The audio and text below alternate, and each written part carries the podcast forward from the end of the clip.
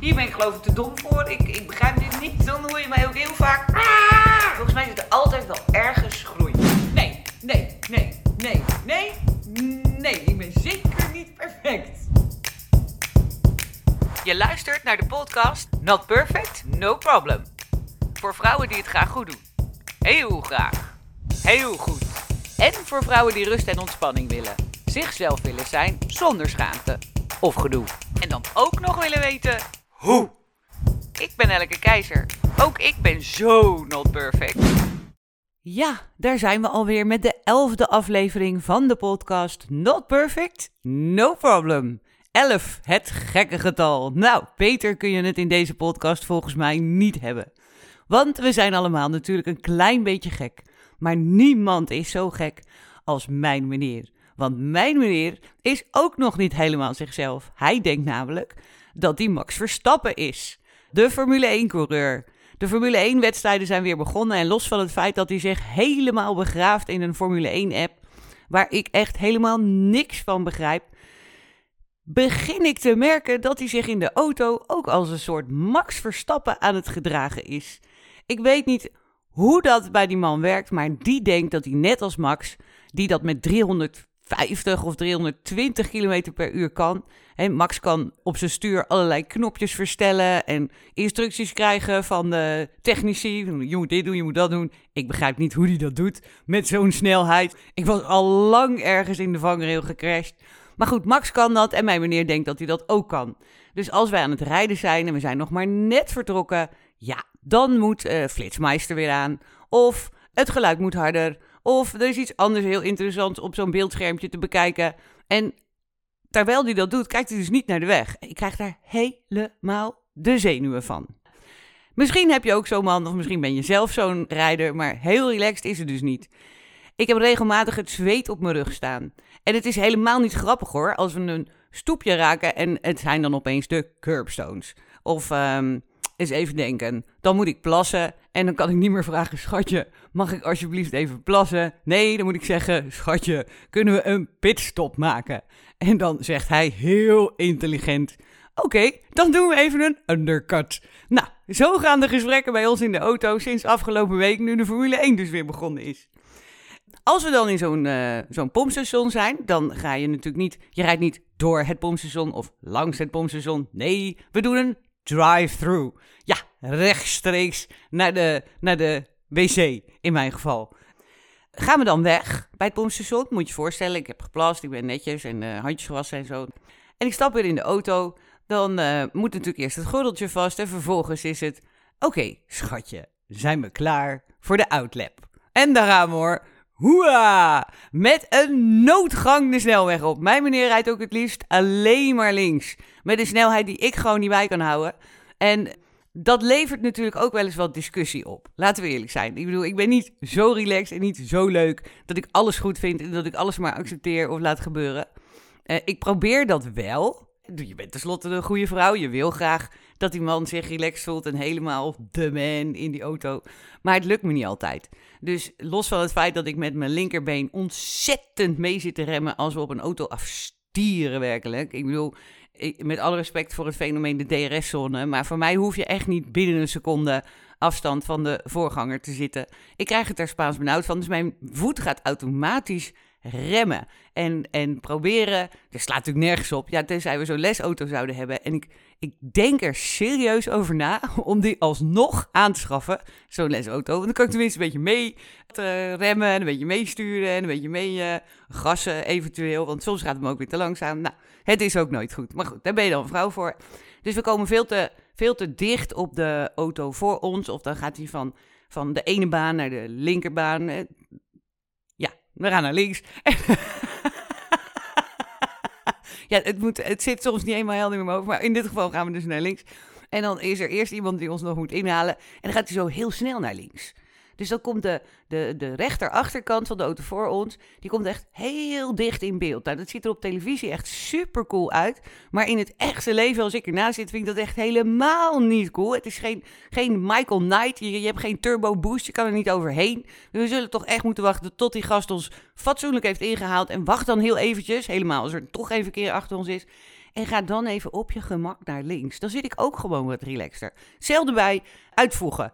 Dat je zo'n bord voor, boven de weg hebt en dan staat er over, eh, weet ik veel, 1500 meter eh, naar rechts. Want dan moeten we de snelweg af, weet ik. Afslag uh, Beekbergen in ons geval. En je weet dat die afslag komt en je weet ook dat je die afslag wil nemen. Dus als ik zie 1500, 1500 meter afslag Beekbergen, ik ga keurig alvast naar rechts. Hoe cares dat er een vrachtwagen rijdt? Ik moet toch die afslag hebben. Ik kom heus wel thuis. En op die anderhalve seconde maakt het ook echt niks uit. Er zit, er zit geen levensreddende operatie op mij te wachten of zo. Dus, dus heel op mijn gemakje toer ik dan zo richting afslag Beekbergen. En als ik er ben, hoera, nou, afslag. Heel relaxed, heel sedang. Ik kan nog een podcast luisteren onderweg. Niks aan het handje. Nee, dan mijn meneer. Die weet ook dat we afslag Beekbergen moeten hebben. Die weet ook dat die afslag er over 1500 meter aankomt. Maar het lijkt wel alsof geen van zijn hersencellen doorhebben dat dat ook zo is.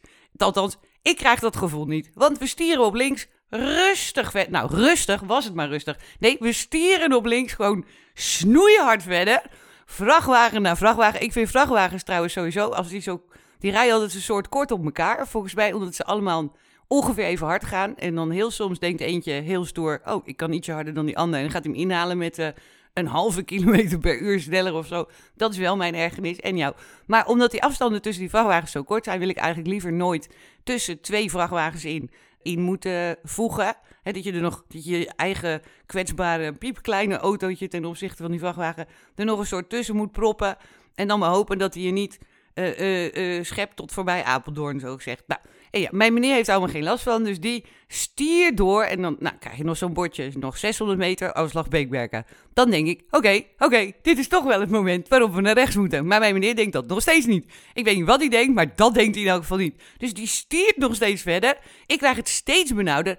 En eigenlijk is het helemaal niet belangrijk, want stel, worst case scenario, dat we wel die afslag zouden missen dan is er natuurlijk nog niet heel ernstig iets aan de hand. Want we zijn nog steeds redelijk dicht in de buurt van ons huis. Dus we zouden ook nog een andere afslag kunnen nemen. We kunnen zelfs nog, denk ik, via Arnhem of zo. Een van de achterafweggetje kunnen we ook naar ons huis. Dus waarom ik me nou zo druk maak, is mij ook een raadsel. Maar ik maak me wel druk.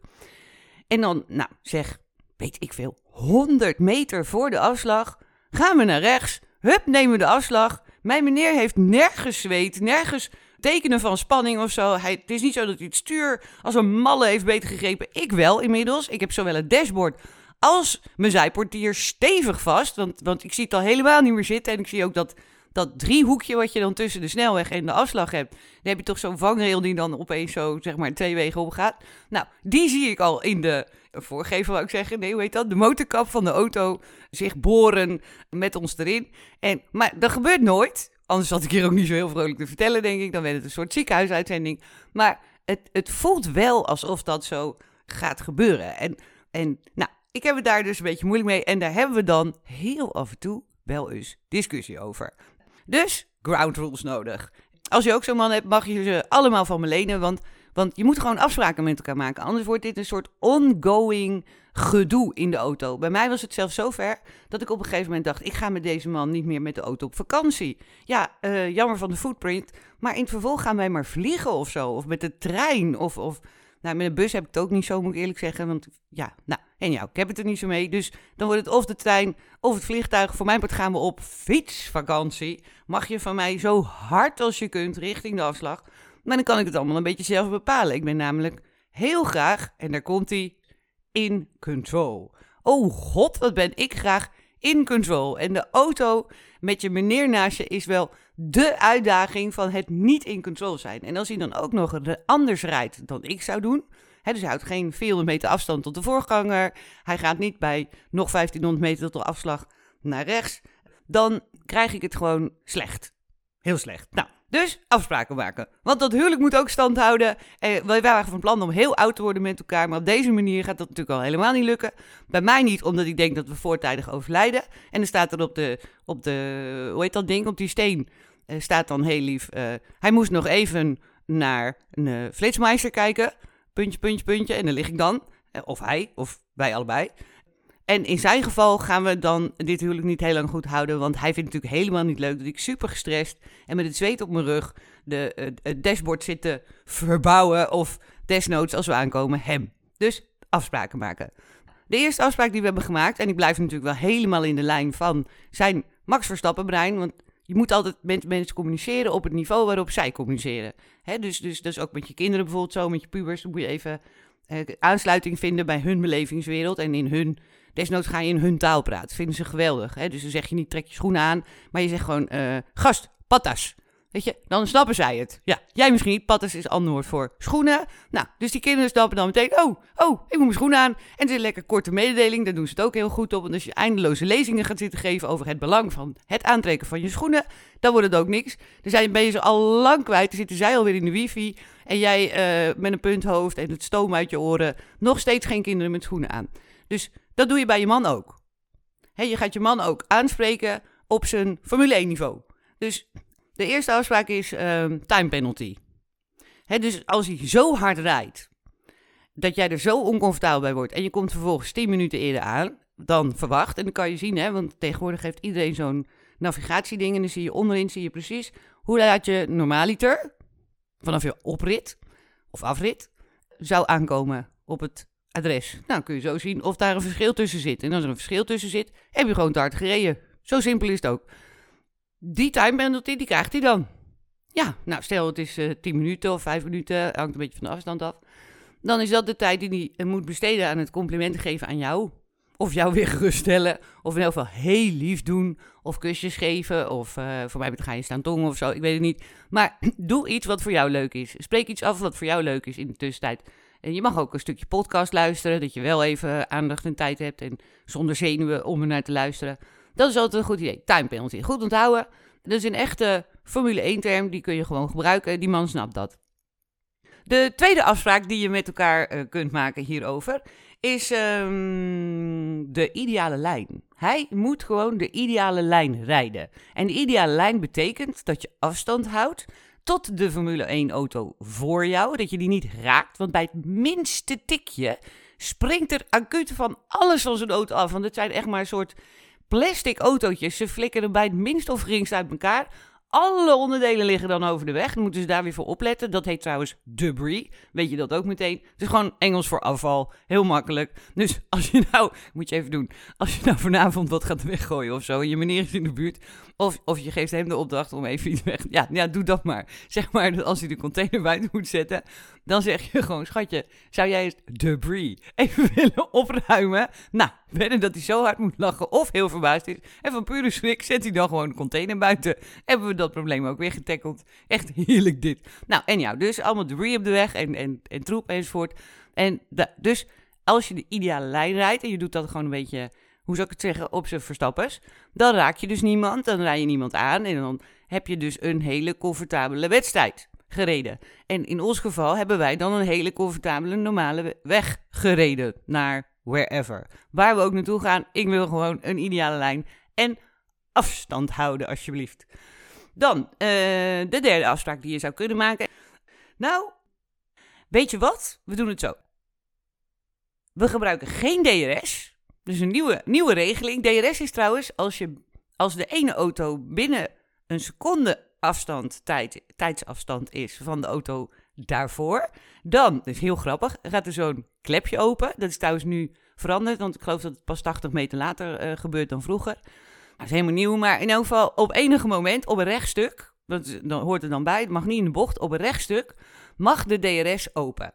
En dan het, uh, het effect daarvan is dat je dus harder gaat. Maar daar heb je wel een auto voor je voor nodig. Dus die, die, die er wordt gemeten, zo gezegd. En als je binnen een seconde afstand van die andere auto zit, gaat er een klepje open. Hing! Oeh, god!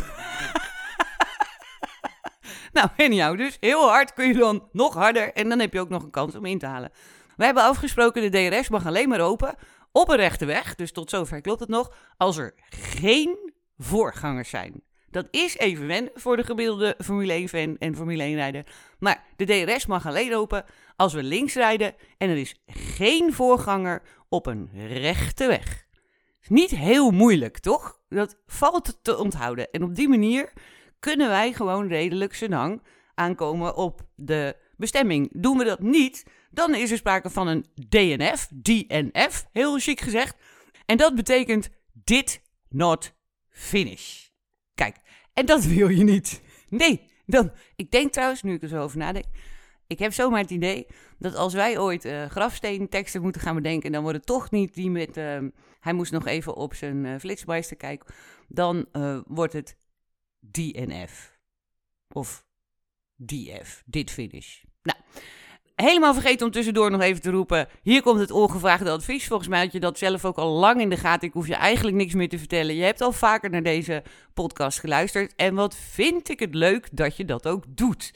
Je bent meer dan welkom om mee te luisteren naar mijn avonturen. Vergeet niet, het gaat allemaal over gewoon ongegeneerd, lekker en zonder gedoe, zonder schaamte jezelf zijn.